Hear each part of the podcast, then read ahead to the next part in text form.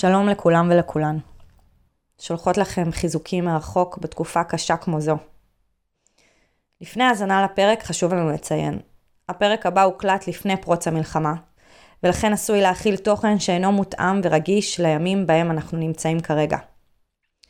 משתפות אתכם שהתלבטנו אם להמשיך להעלות פרקים שגרתיים בזמן המלחמה, והגענו למסקנה שאנחנו מאמינות שגם כשיש שיט גדול בסדרי גודל של מלחמה, ההתעסקות בשיט הרגיל, במרכאות, מהווה מקום למפלט מהשיט הענק הזה. מי שזה לא מתאים, לא עולה, תמיד יכולים להאזין כשיעבור זעם. שולחות לכן ולכם אהבה מרחוק. יהב וסיוון. היי סיוון, היי אב, ספרי לי על השיט שלך. בשמחה. אז uh, חברה הזמינה אותי אליה לסופש, ונסעתי אליה, וכן, תשני אצלי וזה, יש לי בית גדול, השותף שלי לא פה, אפשר זה, כאילו, היינו כמה חברים, כזה, מסיבת פיג'מות בבית שלה. וואו. אנחנו מגיעים לבית שלה, יש מלא נמלים בכל מקום. והיא כולה כזה, כן, בדיוק עשיתי ניקיון, תיכנסו בלי נעליים, תשטפו את הרגליים מהים, כאילו ממש כזה, מהאלה, ויש נמלים בכל מקום. ואני אומרת לה, מה קורה עם הנמלים? היא אומרת לי, כן, יש איזה מכת נמלים, אבל אני כזה, אני לא רוצה לעשות שום דבר, כי אחרי שעשיתי ויפאסנה פעם קודמת, אני לא יכולה לפגוע בשום יצור חי. קודם כל... זה כזה shit יהב ארז מכל הבחינות. מכל הכיוונים. מכל חכי, הכיוונים. חכי, אוקיי. עוד לא ראית כלום. אוקיי. ואז אני מסתכלת, אני כזה, אוקיי, בסדר, טוב, נחיה עם הנמלים על הרצפה, whatever. כאילו, מה זה בכל מקום? זה לא היה בכל מקום, אבל יש, יש, יש נמלים. יש קבוצות נמלים. יש קבוצות, יש שובלים, יש אה, תה- תהלוכות, צעדות שיבה, יש כאילו שיבה לקן, יש כל מיני דברים. ואז אה, אנחנו ישנים, אה, אנחנו כזה כמה חברים ישנים בחדר של השותף שלא נמצא, ואני כאילו ישנה על מזרון על הרצפה, ובדיעבד מסתבר שהמזרון היה מאוד קרוב לקן נמלים שיוצא כזה מהחיבור בין הרצפה לקיר, כזה בפינה. אוי. עכשיו, אני כל הלילה, קודם כל אני אגיד שאני ממש הייתי צריכה את הלילה שינה הזה, אני הייתי כאילו אחרי שבוע, שבאמת, גמרתי את עצמי, ממש הייתי צריכה לילה שינה טוב כזה. מהמם, גם, זה יהב ארז גם. נכון. ואז כאילו, ו... אני הולכת לישון, ואני פשוט מתעוררת באמצע הלילה מנמלים שעוקצות אותי, לא נכון. וכל פעם אחת עולה עליי, עוקצת אותי, מעיפה אותה. עוד אחת עולה עליי, עוקצת אותי, מעיפה אותה. Oh my god. ואני לא יודעת מה לעשות, כי אני גם יודעת שכאילו, גם, מה, לא, לא הבנתי גם שאם אני אעביר את המזרון, אולי זה יקל עליי, כי פשוט ראיתי נמלים בכל מקום, ואמרתי, כוס אימא של הבית הזה וכוס אימא שלה, וכל מה שעבר לי בראש כל הלילה, שלא ישנתי בו, זה שהיא פעם הייתה טבעונית. מהמם. כשהכרנו שתינו היינו טבעוניות. וכמו הרבה חברים שלי, היא הפסיקה להיות טבעונית, אוקיי? ואני כל, כל הלילה, את יודעת שאת כאילו כועסת על מישהו, כן. ואת פשוט בונה בתוך עצמך כאילו רתיחה כזאת, ש- כזה... מטומטמת, היא אומרת שהיא לא יכולה לפגוע באף צור חי, היא בכלל אוכלת בשר, מה זה החרא הזה? היא אוכלת ביצים, היא אוכלת... ואז אני כזה, וכל האפרוחים שנגרסים בלולים, מזה, לא אכפת לה? מה זה? מה היא משחקת אותה? וזה, איזה צביעות. יואו, אני כל כך מכירה את הלילות האלה של... אבל, אבל את כאילו, את כאילו בונה את את הכעס. על הבן אדם, ואת אומרת כאילו, מה היא מזיינת בשכל על לא לפגוע ביצור חי אם היא אוכלת חיות? ואני כאילו בתור טבעונית, אז כאילו ישב לי עוד על זה. עכשיו, אני לא כזה טבעונית של uh, חמלה על החיות וזה, אני לא אוהבת חיות באופן כללי, לא בצלחת שלי ולא מחוץ לצלחת שלי, אוקיי? אבל יש משהו שנורא עצבן אותי בזה שהיא אמרה שהסיבה זה שהיא לא יכולה לפגוע לא באף באף יצור יצור חי. חי. תעשי לי fucking טובה, ותתני לי לישון בלילה, ואז אני קמתי בבוקר, כזה, איך ישנת? ואני כזה, חרא, כל הלילה, הנמלים עקצו אותי. ואז היא כזה, אוי, אוי, shit. ואז אני כזה, אל תדאגי, אני אדבר על זה ב shit של אחרים, ואני אוציא עלייך הכל. זהו, זה ה disclaimer שגם אני וגם כל המאזינים חיכו לשמוע האם את מספרת את זה באישורה. קודם כל, היא אישרה לי, והיא אפילו אישרה לי להשתמש בשם שלה, אבל אני אמרתי, לא, לי יש כבוד עצמי, אני לא אשתמש בשם שלך, אני לא אלבין את פנייך, אני טובה יותר מזה. כל הכבוד. כל הכבוד. אבל זה. באמת, זה באמת הסובלימציה הכי טובה לעשות לאירוע כזה נוראי. כן, כאילו זה היה כזה, אני שונאת אותך כרגע, אבל בסדר, אל תדאגי, אני אספר את זה בשיט של אחרים ונשחרר את זה. מדהים, יאללה, הלאה. מדהים, מדהים. אז זה מה שקרה. שיט מצוין מכל הכיוונים. תודה. אם לא פגשתם עד היום את יהב ארז, עכשיו אתם מכירים אותה על כל רבדיה. גם הוויפאסנה, גם הטבעונות. זה נכון, זה כל כך כאילו, נגע בי בכל כך הרבה נקודות, ממש. שינה, לישון, זה נכון. חשוב. והעומס. אני גם, כשאני לא ישנה, אני עצבנית, וואו. ברור.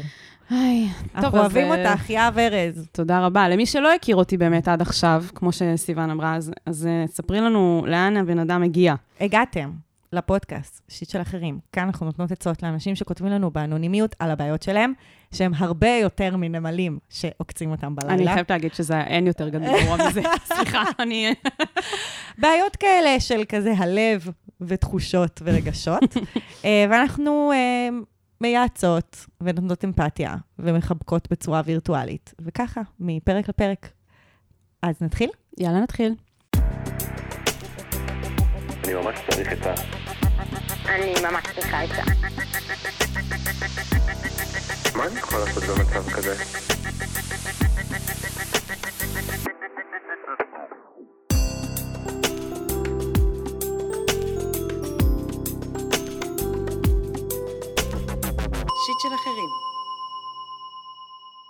הפנייה הראשונה שלנו היא מבובת סמרטוטים בת 29. השותפה שלי בריונית כלפיי. הבעיה מורכבת.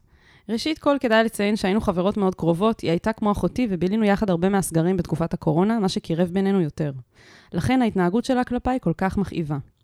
הכל התחיל מזה שאני והשותף השלישי התקרבנו, וזה הוציא אותה מהכלים, עד כדי התקפי חרדה. כשנהפכנו לזוג, היא התחילה להתנהג באופן מאוד בריוני כלפיי. היא צורחת עליי את כל התסכולים שלה, מאשימה אותי בדברים שלא עשיתי, אמרה לי שהיא לא מוכנה להמשיך להיות חברה שלי, והייתה מתעלמת ממני לחלוטין. בחודש האחרון היא מתנהגת אליי כאילו הכל בסדר, בלי לבקש סליחה על כל האיומים והצרחות. אולי זו הדרך שלה להתנצל, אבל אני לא מסוגלת להסתכל לה בעיניים. ביקשתי ממנה לדבר מספר פעמים, אבל היא מסרבת בכל תוקף. בנוסף, היא מנכסת לעצמה את הדירה. אני מפחדת לשבת בסלון או לאכול במטבח, ובגדול מסתגרת בחדר. היא לא מתחשבת באף בקשה שלי, כי מבחינתה אני והשותף נהיינו יחד כדי לעשות לה דווקא, והיא גם אמרה את זה, וגם אמרה שתתבע אותנו. זה הגיע למצב שאני לא יכולה להגיד את מה שמפריע לי, כי אני יודעת שהיא תצא עליי ב-200 קמ"ש. אז אני לא אומרת ולא מתלוננת כדי לא לייצר חיכוך. אני סובלת כבר כמה חודשים. בניתוחים רבים של הסיטואציה, חברים שלי אומרים שהיא לא הגיונית, ועדיין זה עוזר רק במעט. אולי יעזור להגיד שהיא לוקחת כדורים פסיכיאטריים כל יום, מעשנת וויד כל יום ועושה פסיכדלים באופן קבוע. זה הגיע למצב שאני מפחדת לדבר איתה. ממש פחד משתק. אני יודעת שאני צריכה לחפש בית אחר לגור בו, אבל בעיקר מתוסכלת שהפסדתי, גם כספית, ומנחמת את עצמי שזה לגיטימי בקרב מול השטן. אני חווה שברון לב מחברה טובה, מהעובדה שאני צריכה להיפרד ממי שעשתה לי כל כך טוב והייתה חלק גדול מהעולם שלי, ועכשיו אני צריכה להתרחק למען שלוות הנפש שלי. בנוסף, הרגשתי שהפסדתי במבחן של לעמוד על שלי. עד היום החשבתי את עצמי כאחת שיודעת להגיד מה מפריע לה, אבל כאן, אם אני מתמודדת מולה, אני רק יוצאת מופסדת. באמת שניסיתי לפייס ממקום אמיתי כמה וכמה פעמים. התקופה הזו הייתה בשבילי בוקס בבטן לביטחון העצמי. איך אני יודעת שעשיתי את הדבר הנכון בלהחליט לנתק קשר ולעבור דירה?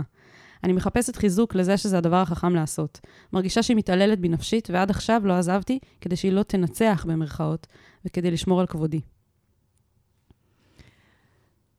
זו פנייה מאוד מאוד מאוד, גם קשה כאילו לשמוע אותה, כזה התיאור, שזה ממש כזה, כזה לשמוע מה, מה היא עוברת. כן. ומצד שני, זו כן פנייה בעיניי שהיא סגורה. כלומר, היא הביאה את הקושי, היא הביאה את הפתרון, היא בעיקר מבקשת מאיתנו כזה חיזוק. חיזוק, כזה עשיתי את הדבר הנכון, כן. אנחנו כאן כדי להגיד, כן, אנחנו נפרט למה. זהו, אפשר לסיים את הפנייה. כן, בדיוק. התלבטתי ממש להתחיל ככה. אוקיי, הפנייה הסתיימה, כן. עשית את הדבר הנכון. אבל, אבל כן, כן חשוב לי להגיד שהדבר, כשאני ראיתי, כשקראתי את הפנייה הזאת, הרגשתי שבעיקר צריך כאן המון חמלה. חמלה בשני הכיוונים. חמלה, קודם כל, כלפי בובת סמרטוטים. כי אני מרגישה שהיא שיפוטית כלפי עצמה על זה שהיא לא פעלה קודם, שהיא לא הבינה מה קורה, שהיא לא שמה גבולות, שהיא לא... ואני חושבת שזה הכל חוכמה של בדיעבד. אה, תמיד, תמיד זה ככה. בדיוק. כי בעצם אני חושבת שההתנהגות שלה זה הזדנב לתוך החיים שלך לאט-לאט, והיום, כשאת ברפלקציה, את יכולה לכתוב לנו את הכל, ופתאום את רואה את התמונה המלאה, אבל נכון. ברור שלקח לך זמן עד שהבנת ושמת לזה גבולות, וכזה התרחקת מזה. כן, אני, אני גם חושבת שבגלל שהיא הייתה כל כך קרובה אלייך, והייתן חברות, נכון. זה כואב פי כמה, כמו שגם את אמרת, אבל זה גם גרם לך, בזמן אמת, לא לשים לב שבעצם משהו כאן ממש לא תקין, בגלל שהיא כאילו, היא חברה, מה, אפשר לדבר, אפשר זה, היא רוצה נכון. בטובתי, היא אוהבת אותי, ואז בעצם כל ההתנהגות הזאת וכל הדבר המזעזע הזה שתיארת, זה כאילו לא נתפס עד באמת בדיעבד, שאת אומרת, וואלה, היא באמת התעללה בי. כן, זה באמת ממש קשה. ואני כן רוצה, אפילו ישר בהתחלה, להיות גם בחמלה כלפי השותפה. כי ממה שאת מתארת, ואת גם עשית את המהלך הזה, אגב, נכון. היא כתבה לנו שחשוב לציין שהיא תחת אה, כדורים פסיכיאטריים, ושהיא, כאילו, ש... נשמע שיש לה הרבה התנהגויות אה, של בריחה. מעשנת וויד, עושה פסיכדלים, כאילו יש לה משהו, היא, היא נשמעת בקושי, והרבה פעמים שאני שומעת, אנשים, וזה באופן כללי, אני מרגישה שכזה, זה כזה, כל השיט בעולם מגיע מאנשים עם ערך עצמי נמוך, או איזשהו קושי לגייס כוחות שהם מיטיבים, אז היא מגייסת כוחות לא מיטיבים. כאילו, כש, כשבן אדם במצוקה, ובן אדם הוא חלש, ובן אדם אין לו אה, יכולות תקשורת, אין לו יכולת לראות את האחר, אין לו כל מיני כוחות אגו מאוד משמעותיים בקשרים שיש לנו עם אנשים, אז אנחנו מגייסים כוחות אה, אלימים. כן. שזה באמת כאילו ה- לבודד אותך בתוך הבית, לא לתת לך מקום לדבר, אה, לכעוס עלייך על הזוגיות ולקנא. לאיים עלייך, כן. כן. לא שאני אומרת, וזה, הייתה לנו פנייה על זה שכזה, איפה אני, איפה אני שמה את הגבול בין נכון. להיות בחמלה לבין לדאוג לעצמי. ולשים גבולות, כן. בדיוק. ונראה לי שאת גם יכולה להיות פה בחמלה וגם לשים גבולות. את כבר עשית את זה באיזשהו, באיזשהו אופן. כן. אני חושבת שאנחנו גם לפעמים לא מבינים מתי מתאים לקום וללכת, ואנחנו מתייחסים לזה כמו בריחה, לבין מתי לקום וללכת זה הדבר היחיד שאפשר לעשות, כי לא Mm. מותירים לנו ברירה. וממש לפני כמה ימים דיברתי על זה עם מישהו, שכשאני, למשל, רוצה להציב לך גבול בתור חברה, או בתור בן אדם שאני נמצאת איתו בקשר כלשהו, ואני אומרת, סיוון, זה לא מתאים לי, בבקשה, אל תעשי את זה. אז אם את כאילו שמעת את זה ממני, ואת ממשיכה לעשות את זה, מהמם, זה התעללות. מהמם. והדבר שאני יכולה לעשות כדי להוציא את עצמי מה, מה, מהסיטואציה האביוסב הזה, שבו אני אומרת לך מה עושה לי לא טוב, ואת ממשיכה בכוונה, למרות שאת יודעת את זה, זה לקום וללכת, מהמם. אוקיי? אני נגיד ממשילה את זה לזוגיות אלימה, הבן או בת זוג אלימים כלפיי, רק לקום וללכת זה הפתרון. כי אם אני, אם בן אדם, זה אלימות, לא לתת לך לדבר איתה, וכאילו, לא לאפשר לך להגיד, זה לא מתאים לי, זה פוגע בי, זה אלימות, מהמם. בכל דבר ועניין. כן. ובמקרה שבו בן אדם הוא אלים ובן אדם הוא מתעלל, רק לקום וללכת זה הפתרון. כל פתרון אחר הוא לא פתרון בעצם. כן. אז אני חושבת שכאילו, קודם כל ברור שלקום וללכת זה הדבר הכי נכון לעשות, וברור שכל הפסד שקרה בדרך הוא משני לעומת ההתעללות והאלימות שקורית כלפייך, כי את צריכה לשים את עצמך במקום הראשון, את ה-well-being שלך במקום הראשון, ואם מישהו אלים כלפייך, אז גם אם הפסדת כסף, וגם אם הפסדת כביכול, היא קראה לזה את עצמי, מהמם. כי כאילו הפסדתי לה לבריונות שלה, אז אני הייתי מציעה לעשות איזה ריפריימינג. נכון, היא בריונית, נכון, היא כביכול ניצחה ב, במערכה של כאילו, היא קיבלה את הבית, או אני לא יודעת, כאילו, זה לא, זה לא, זה לא משתווה לעומת... את צריכה לקבל את עצמך. נכון. הניצחון האמיתי הוא לקבל שלך. את עצמך, ושיתייחסו אלייך בכבוד. ומי שלא נכון. מוכן להתייחס אלייך בכבוד, אפילו כשאת מנסה לפייס ולדבר, זה בן אדם שפשוט לא צריך להיות בחיים שלך, ואת בטח לא צריכה לגור איתו באותו בית. וגם אני חייבת להגיד שברגע שאת um, כן תתפסי את המרחק הזה ולא תאפשרי לה להמשיך uh, להתנהג עלייך ככה, את גם שומרת עליה. כי יכול להיות שבאמת ייקח, ייקח לה זמן, והיא תתפכח, וייקח לה, ו- והיא תגייס כוחות אגו, ויהיה לה פתאום יכולת להתבונן בדבר הזה שקרה, והיא תבקש על זה סליחה, ויכול להיות שזה יקרה, וככל שאת תקטעי את הבריונות הזאת מהר יותר, נכון. ככה יהיה לה פחות, במרכאות, לבקש עליו סליחה. כלומר, ככה זה, זה פחות יכלה את מה שכבר קרה בתוך הקשר שלכם. כן. ברור שזו שאלה גם לגבי האם את צולחת, מה את רואה כשהיא מבקשת סליחה, האם היא באמת לוקחת אחריות, ועל זה גם אני גם קצת רוצה לסייג את מה שאת אמרת, כאילו, יהב, כי כאילו, הרבה פעמים כשאנחנו מדברות על אלימות, אז יש איזה צורך כאילו לשים את הגבול בצורה נורא ברורה, אבל הרבה פעמים אנחנו נגיד לאנשים שמשהו פוגע בנו, והם לא יצליחו לשנות את זה, כאילו, וזה לא בהכרח יהיה בכוונה, כן, זה עדיין לא אומר שאנחנו צריכים להישאר במקום הזה. כן. אבל יכול להיות שברגע שהם ייקחו אחריות, ועדיין ימשיכו לפשל לפעמים, כי אנחנו באמת בני אדם, וכאילו, את יודעת, זה כמו שאת uh, מבקשת ממני לשלוח לך את הפרקים מראש, ואני כל פעם שוכחת את זה מחדש, זה לא בכוונה, כאילו, זה, זה, זה, כל אחד מאיתנו מתמודד עם הדפוסים שלו. כן.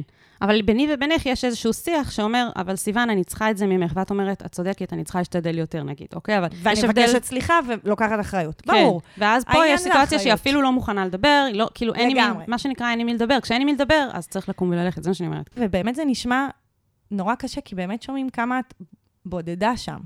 כי זה ל- להיות בתוך בית ולהרגיש, כאילו, בית משותף, ולהרגיש נורא לבד בתוך הבית הזה.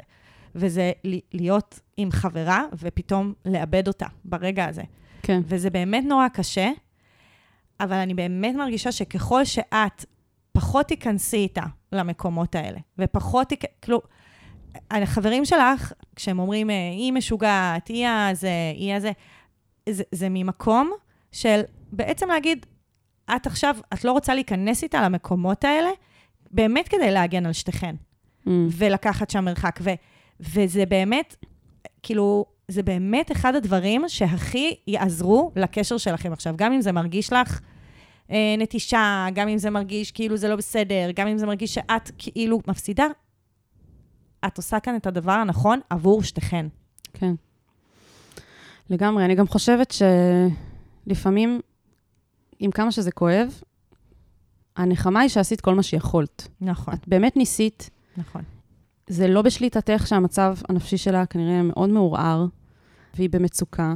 נכון. וככל הנראה המצוקה שלה היא באמת לא קשורה אלייך. כלומר, אני מרגישה שגם בין השורות, היא קצת מבקשת מאיתנו לאשר, לאשש לה, שבעצם המצוקה של השותפה זה לא אשמתה ואשמת המעשים שלה. לגמרי. כי השותפה הרי מאשימה אותה שהם כאילו נהיו זוג כדי להיות נגדה וכל מיני דברים כאילו הזויים.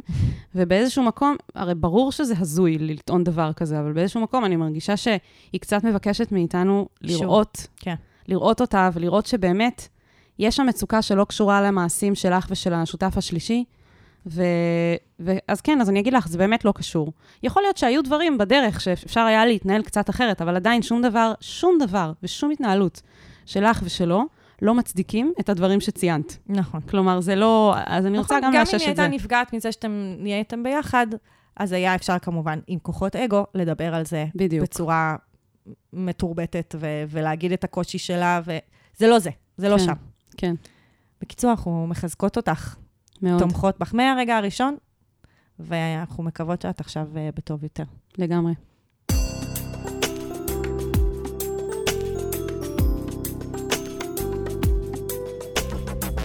של אחרים.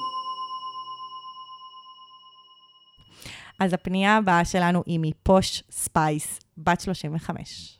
שזה פוש ולא פוש, אני רוצה נכון. להגיד לכל עם ישראל, בגלל שאני חושבת שהרבה אנשים ביטאו את זה ככה בעבר, ופוש זה בעצם פוש באנגלית, פוש. שזה אומר כאילו היי קלאס כזאת, מישהי שהיא כאילו רמה גבוהה.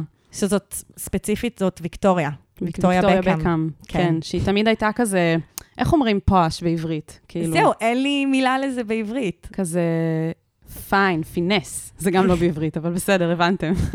זה, אבל את חושבת שזה רק אמ, ביטוי למשהו טוב? זה לא גם ביטוי לקצת... אמ, אפשר להגיד מגונדרת כזה, אבל זה קצת כן. זקן. אולי הגרסה הישראלית של זה זה צפונבונית? אה, מו- מושלם, כן. זה צפונבונית Spice בעצם. ממש, יפה, עלית על זה.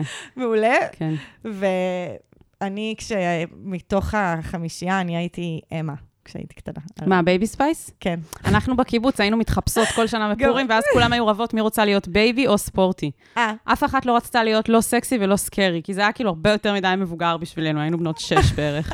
זה היה כאילו, לי יש וידאו שצילמנו את כל הקליפ של, כאילו כל של הקליפים. לא, כל הקליפים של Spice Girls. והחלפנו כאילו, תלבושות. את הוסללת לקרוון ממש. של הצופים. ואבא שלי יום שלם פשוט עמד עם מצלמת וידאו וצילם חמש בנות בכיתה ג', אב השנה צריך לתת לו פרס. ממש, זה מטורף, זה מטורף. מצחיק. אני חייבת להראות לך את זה פעם. יואו, אולי תשלחי לי ונעלה את זה לסטורי. אני, זה קובץ Oh מאוד. גדול, תחתכי, תחתכי. אני אראה לך את זה אבל. מדהים. אוקיי, טוב, אז Posh Spice. אני late bloomer ית, לקח לי הרבה זמן להיכנס לענייני הבנים-בנות. מעולם לא הבאתי גבר הביתה, ויש רק כמה גברים שחברות שלי פגשו. אבל הקושי האמיתי שלי זה הפקפוק של הסביבה בי. כבר הרבה פעמים שאלו אותי, האם אני בכלל לסבית, ואולי נמשכת לנשים. מדי פעם זו טענה או שאלה שעולה מכל מיני כיוונים. נשים הן יפהפיות, אבל אני לא רואה בהן משהו מיני, או אפילו משהו שבא לי שיקרה, שיגעו בי. למרות זאת, יצא לי לראות הרבה פורנו לסביות. לשם שינוי, נשים נהנות שם וההנאה שם אחרת. ואפילו יצא לי שחלמתי חלום אירוטי על חברה, אחרי שסיפרה לי על חוויית שלישייה שלה, וזה הדליק אותי. אני שונאת שיש אנשים שמרשים לעצמם לפקפק במשיכה שלי, ואני גם שונאת את זה שזה כל כך מפעיל אותי. ואז גם כמובן, אני שואלת את עצמי, האם יש בזה משהו מן האמת? אולי זה חבוי בי? אז אני חוזרת לזה שנשים לא מושכות אותי. שום אישה שפגשתי לא רציתי מגע איתה. אני מבולבלת ואני שונאת שהסביבה שלי כל כך משפיעה עליי. וואו, איזה פנייה. ממש. אני חייבת להגיד עוד משהו, עוד. Fun fact על Spice Girls. אוקיי. את שמעת נו. שג'רי עזבה את Spice Girls? הרי נכון היה כזה. כן, כן. בגלל שהיא הייתה ברומן עם מלאני B. לא, עם מלאני... מה? מי זאת ה... B מי זה... זאת ה Scary? C זה הס- זה C ה Sporty. ה Spice, ה Sporty. אז עם מלאני B, אוקיי. הם היו ברומן. לא. והשיר, אה, השיר האחרון, אין מצב. יש שם כאילו רפרנסים לזה, כן, עשו לזה עכשיו. Oh my god. היה איזה 20 שנה, צמרמורת בכל הגוף עשית לי עכשיו, נשבעת. וזה פתאום קלטתי כמה שזה זה קשור. מתחבר. וואו. סתם, זה לא מתחבר וכן מתחבר, כבר נתייחס אלייך. Posh Spice. וואו. מה זה? אני לא מאמינה. זה אני לא- מטורף. אני לא מאמינה. אני, אני אראה אני כמו Posh Spice בעצמה, הפונה שלנו. זאת כאילו, כן, כן, לסבית, לא מאמינה, לא, לא. אני אראה לך, על אף ה... אנחנו נשים את הרפרנסים. קראתי את זה בכמה בלוגים שדיברו עליהם. צריך להתייעץ עם איתי בן שמחון, המומחה לענייני פופ ורכילות כן. פופ. אוקיי. אוקיי, אז מי התחיל להגיד דברים? את רוצה להתחיל? אוקיי, נראה לי ש... אני אתחיל? אוקיי. קודם כל, Posh Spice, אה, תודה שפנית אלינו. פנייה מאוד מיוחדת, כי אני מרגישה שיש בה הרבה אמביוולנטיות. נכון. כאילו מצד אחד את מאוד יודעת מה את, ומצד שני, יש, זה, הסביבה כאילו מעלה בך שאלות, שוב ושוב. Mm. ואת כל פעם חוזרת לה, לאותה שאלה, עונה עליה, ואז כאילו, אחרי כמה זמן שוב זה חוזר. נכון. וקודם כל, אני חושבת שזה בסדר להידלק מהיופי של נשים, אבל לא לרצות להיות איתן באינטראקציה מינית. כאילו, אני חושבת שזה דבר די טבעי. אני כבר אביא סימוכין. אוקיי. סיוון אוהבת. אני אביא מאמרים עכשיו את מאמרים. אקדמיים, כן. Um, אני חושבת שגם, כאילו, בעולם שלנו, אז אנשים מתנהגים להכל באופן מאוד כזה דיכוטומי, של כאילו, או שאת נדלקת מהיופי של אישה ונמשכת אליה ורוצה גם לשכב איתה, או שאת לא. נכון. ואין איזשהו משהו באמצע, ואת בעצם באמת מתארת איזשהו משהו באמצע, ואנחנו רוצות לבוא ולהגיד לך שזה טבעי וזה הגיוני, ושהאנשים בסב- בסביבה שלך, שמתעקשים לתת לזה את התווית של כאילו, אוקיי, אז זה אומר שאת לסבית, ואת כאילו, הדבר הזה שכולם מכירים כביכול את מה הוא אומר, אז זה את, ואת אומרת, אבל זה לא אני, זה לא מגדיר אותי, ותפסיקו לנסות להגדיר אותי עם ההגדרות הדיכוטומיות שלכם. נכון, אז אנחנו רוצות לחזק אותך ולהגיד, נכון. זה בסדר, וזה מה שזה, וכאילו, מי ששואל כסוג של לפקפק בך שאת נמשכת לגברים, שיהיה לו בכיף, כאילו, זה, זה, זה שלהם. נכון. זה הרבה יותר התבניות שיש להם בראש מאשר מי את ולמה את נמשכת. בדיוק. אז אני רוצה לענות בדיוק את אותה תשובה, ולתת לה קצת, אה. כאילו, עוד, אה, עוד חיזוקים. קודם כל, אני רוצה, אנחנו דיברנו על זה כמה פעמים, על עניין של הגדרות. ו- וחשוב לי להגיד, כל הסיפור של הגדרות, הם נועדו לשמש אותנו, נכון. בשביל לסייע לנו להבין את עצמנו, ולבטא את עצמנו לעולם בקלות יותר. כאילו, במקום שאני אצטרך עכשיו לפרק את כל התחושות והרגשות שלי ולהסביר אותם כל פעם מחדש, יש לזה שם. ואני יכולה פשוט לבטא, עם השם הזה, בעזרת מילה, לבטא עולם, מכלול. נכון. מתי זה פוגע בנו? שאנשים מרגישים צורך להכניס אותנו לתוך תבנית, כדי שלהם יהיה קל להסביר לעצמם, אותנו. ושלנו זה לא באמת התווית שמתאימה. בדיוק. אז קודם כל, הגדרות נועדו עבורך, ולא עבורם, וזה שהם שמים עלייך את התווית הזאת, היא ממש לא אומר שאת צריכה לאמץ אותה, אם היא לא מתאימה לך. ואני גם יכולה להבין למה זה מערער אותך בעולם שבו, בדיוק כמו שאמרת, יהב, שבעולם שבו הגדרות הן דיכוטומיות, ואז מצד אחד את אומרת, אני לא לסבית, ומצד שני, אני כן נמשכת לנשים במקומות מסוימים, אז מה קורה פה? כן. ואז אני רוצה לספר על קינסי. את מכירה את קינסי? את uh, ציינת כבר כמה וכמה פעמים בפודקאסט את השם של אה, באמת? אוקיי. חוקרת? חוקר? חוקר. אלפרד קינסי. אוקיי. הוא, הוא מגניב, אני אוהבת אותו ממש, שתדעו. אה, שהוא- רק בפודקאסט שיט של אחרים אתם תשמעו מישהי אומרת על חוקר אקדמי שהוא מגניב. כי, תקשיבו איזה מגניב, אוקיי? הוא אוקיי. חוקר אמריקאי, שבמשך שנים חקר חרקים בתחום הזואולוגיה והביולוגיה. סבבה? חלקים שהם לסביות. כן, ממש. זה מגניב, את צודקת, זה מגניב. ואז ב-33, בשנת 1933, אה, וואו. כן, אוקיי. הוא שם לב שהסטודנטים שלו ממש בורים בכל מה שקשור למיניות האדם, אבל לא בהקשר של מיניות החרקים. כאילו, הוא אמר, כל כך מעניין אתכם הביולוגיה וזה, אבל כשזה מגיע לעצמכם, אתם לא יודעים כלום. ממש. וואו. ואז הוא עבר, עשה הסבה. וגם, בעצם, מה שקרה זה שאף אחד לא חקר עדיין את חוויית המיניות האנושית באותה תקופה. באותה תקופה. היחידים, כאילו, שהאנשי סמכות היחידים פרויד. שדיברו על, על אה, מיניות, זה היה אה, אנשי דת. תחשבי על זה. Mm, כאילו. מי הכתיב לנו את המיניות? בעיקר כנסייה, הנצרות. רגע, באמת פרויד בא אחרי זה, נכון? אני חושבת שהוא באותם ה-30. זמנים. Mm. הוא באותם זמנים, אבל הוא מכאילו אסכולה אחרת. גם אז. לא היה אינטרנט, אז הוא בטח רק שמע עליו 20 שנה אחרי. אני לא, אני, האמת שאני לא יודעת להגיד לך את ה, בדיוק את הזמנים ואת ההשקה ביניהם, אני מתארת לעצמי שהייתה איזושהי השקה, אבל הם ממש מתחומים אחרים. כן. כי פרויד הוא פסיכו, כאילו המציא את הפסיכואנליטיות וכולי, ו, וקינסי הוא, הוא חוקר, כמו שהבנתם, זואולוג. אז מה הוא עשה? דבר גאוני, דבר שאף אחד לא עשה לפני זה. הוא ראיין אנשים על העדפות שלהם במיניות. פשוט עשה ראיונות אישיים, פשוט ככה. לנשים ולגברים, וואו. ופרסם מה, אחרי זה את, את הממצאים, איזה מהפכני זה בשנות ה-30 לעשות דבר כזה. ממש. ואז מה הוא גילה? מה הוא גילה? מה הוא גילה? שבעצם אה, מיניות, משיכה מינית, היא על רצף. בניגוד לחשיבה, עכשיו תחשבי, זה 33, אנחנו יושבות כאן בשנת 2023? 2023, ואת עדיין אומרת שאנשים חושבים ככה. וואו. כאילו, הטבלה של קינסי, ניתן למצוא אותה בגוגל בקלות, ועדיין אנשים חושבים על משיכה מינית וזהות מינית כ- כדבר דיכוטומי. רגע, אבל- מהי הטבלה? מהי הטבלה? טבלת היסודות, כאילו כמו בכימיה, רק כזה, כן. זה היסוד הזה, זה נמשכת לגברים, אבל קצת נדלקת מנשים.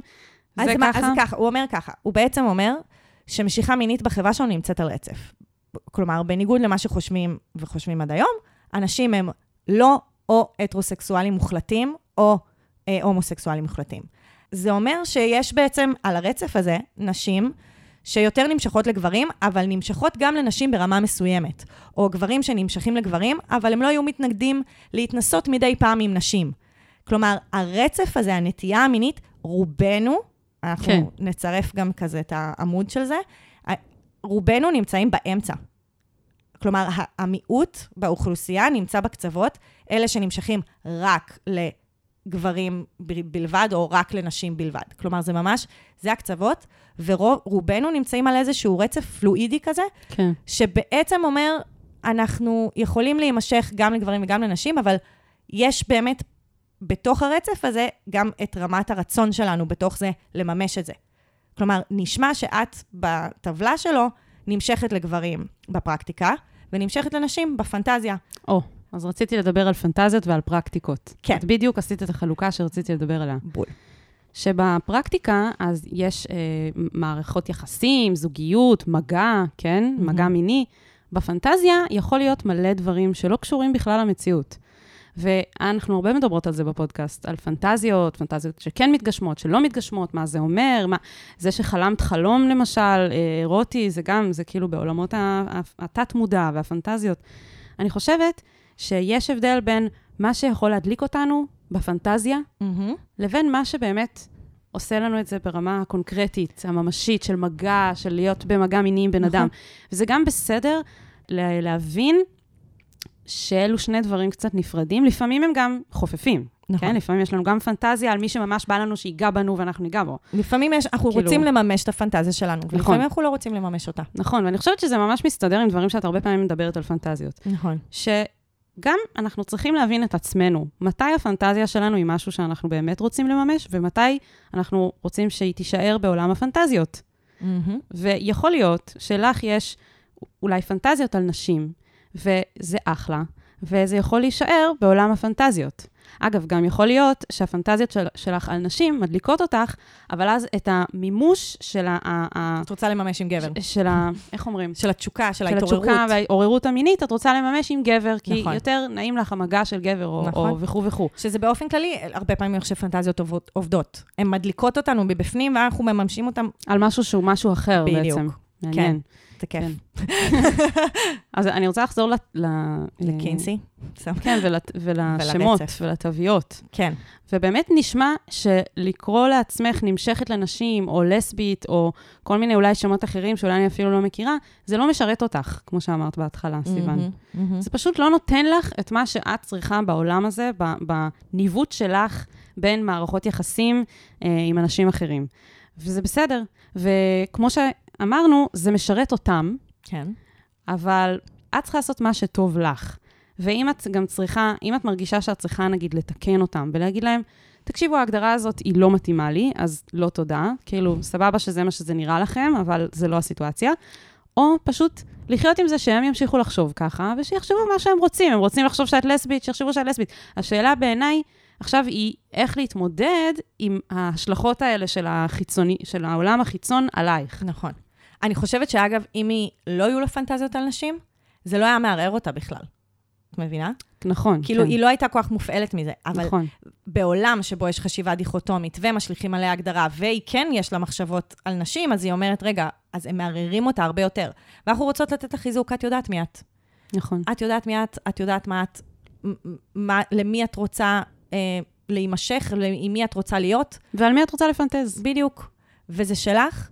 אני רוצה רק להוסיף עוד הגדרה אחת שאני מקווה שהיא היא תיתן לך גם קצת אה, חמלה ורוגע בתוך זה, שזו ההגדרה של נזילות מינית, שאני חושבת שגם דיברתי עליה בפרקים אחרים, שנזילות מינית בעצם אומרת גם שבקונטקסט מסוים, אנחנו לפעמים גם אה, נמשכים לאנשים שונים. כלומר, זה קצת אפילו איך שאמרת בהקשר של הפורנו. כאילו, בהקשר של הפורנו, הסיבה שאת אוהבת פורנו לסביות, כי יש שם יותר הנאה. אז זה, הקונטקסט הזה נותן לך שם איזושהי, איזשהו רצון, הרשאה, משהו זז שם בפנים. נזילות מינית מדברת על זה שבקונטקסט מסוים יכול להיות שפתאום את כן תרצי לה- להתנסות עם נשים, וזה עדיין לא אומר עלייך שאת לסבית בהגדרה, אלא אם כן את תחליטי את זה. כן. כלומר, נזילות מינית אומרת שהמשיכה שלנו היא לא סדירה, והיא אינטואיטיבית ומשתנה לאורך החיים, לא בצורה שמישהו יכול לשנות לנו אותה, אלא בצורה שהיא משתנה מתוכנו. כי כמו הזהות שלנו, גם כן. הזהות שלנו באופן כללי, כאילו, אני פעם אהבתי שיש לי עומס, ואני לא אוהבת את זה יותר. ועכשיו אני מש... מנסה לשנות את הזהות הזאת של האישה העמוסה.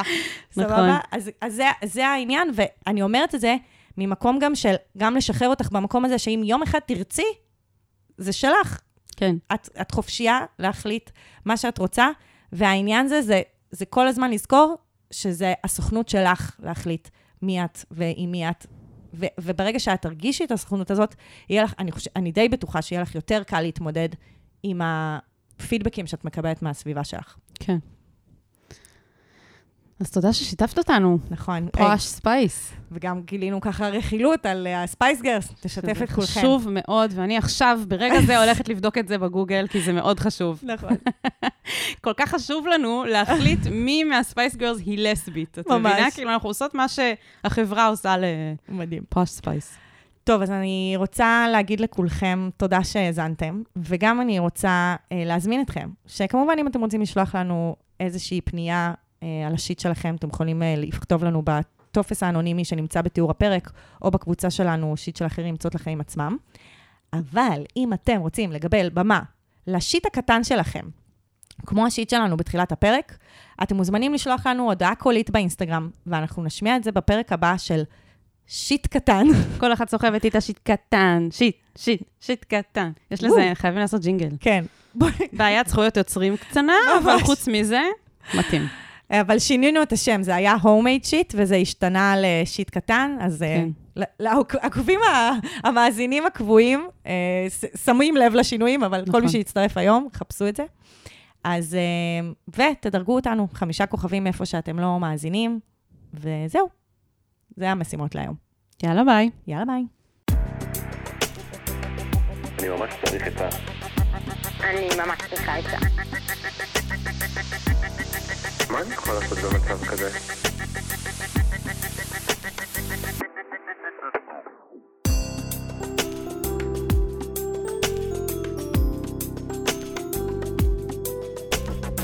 שיט של אחרים.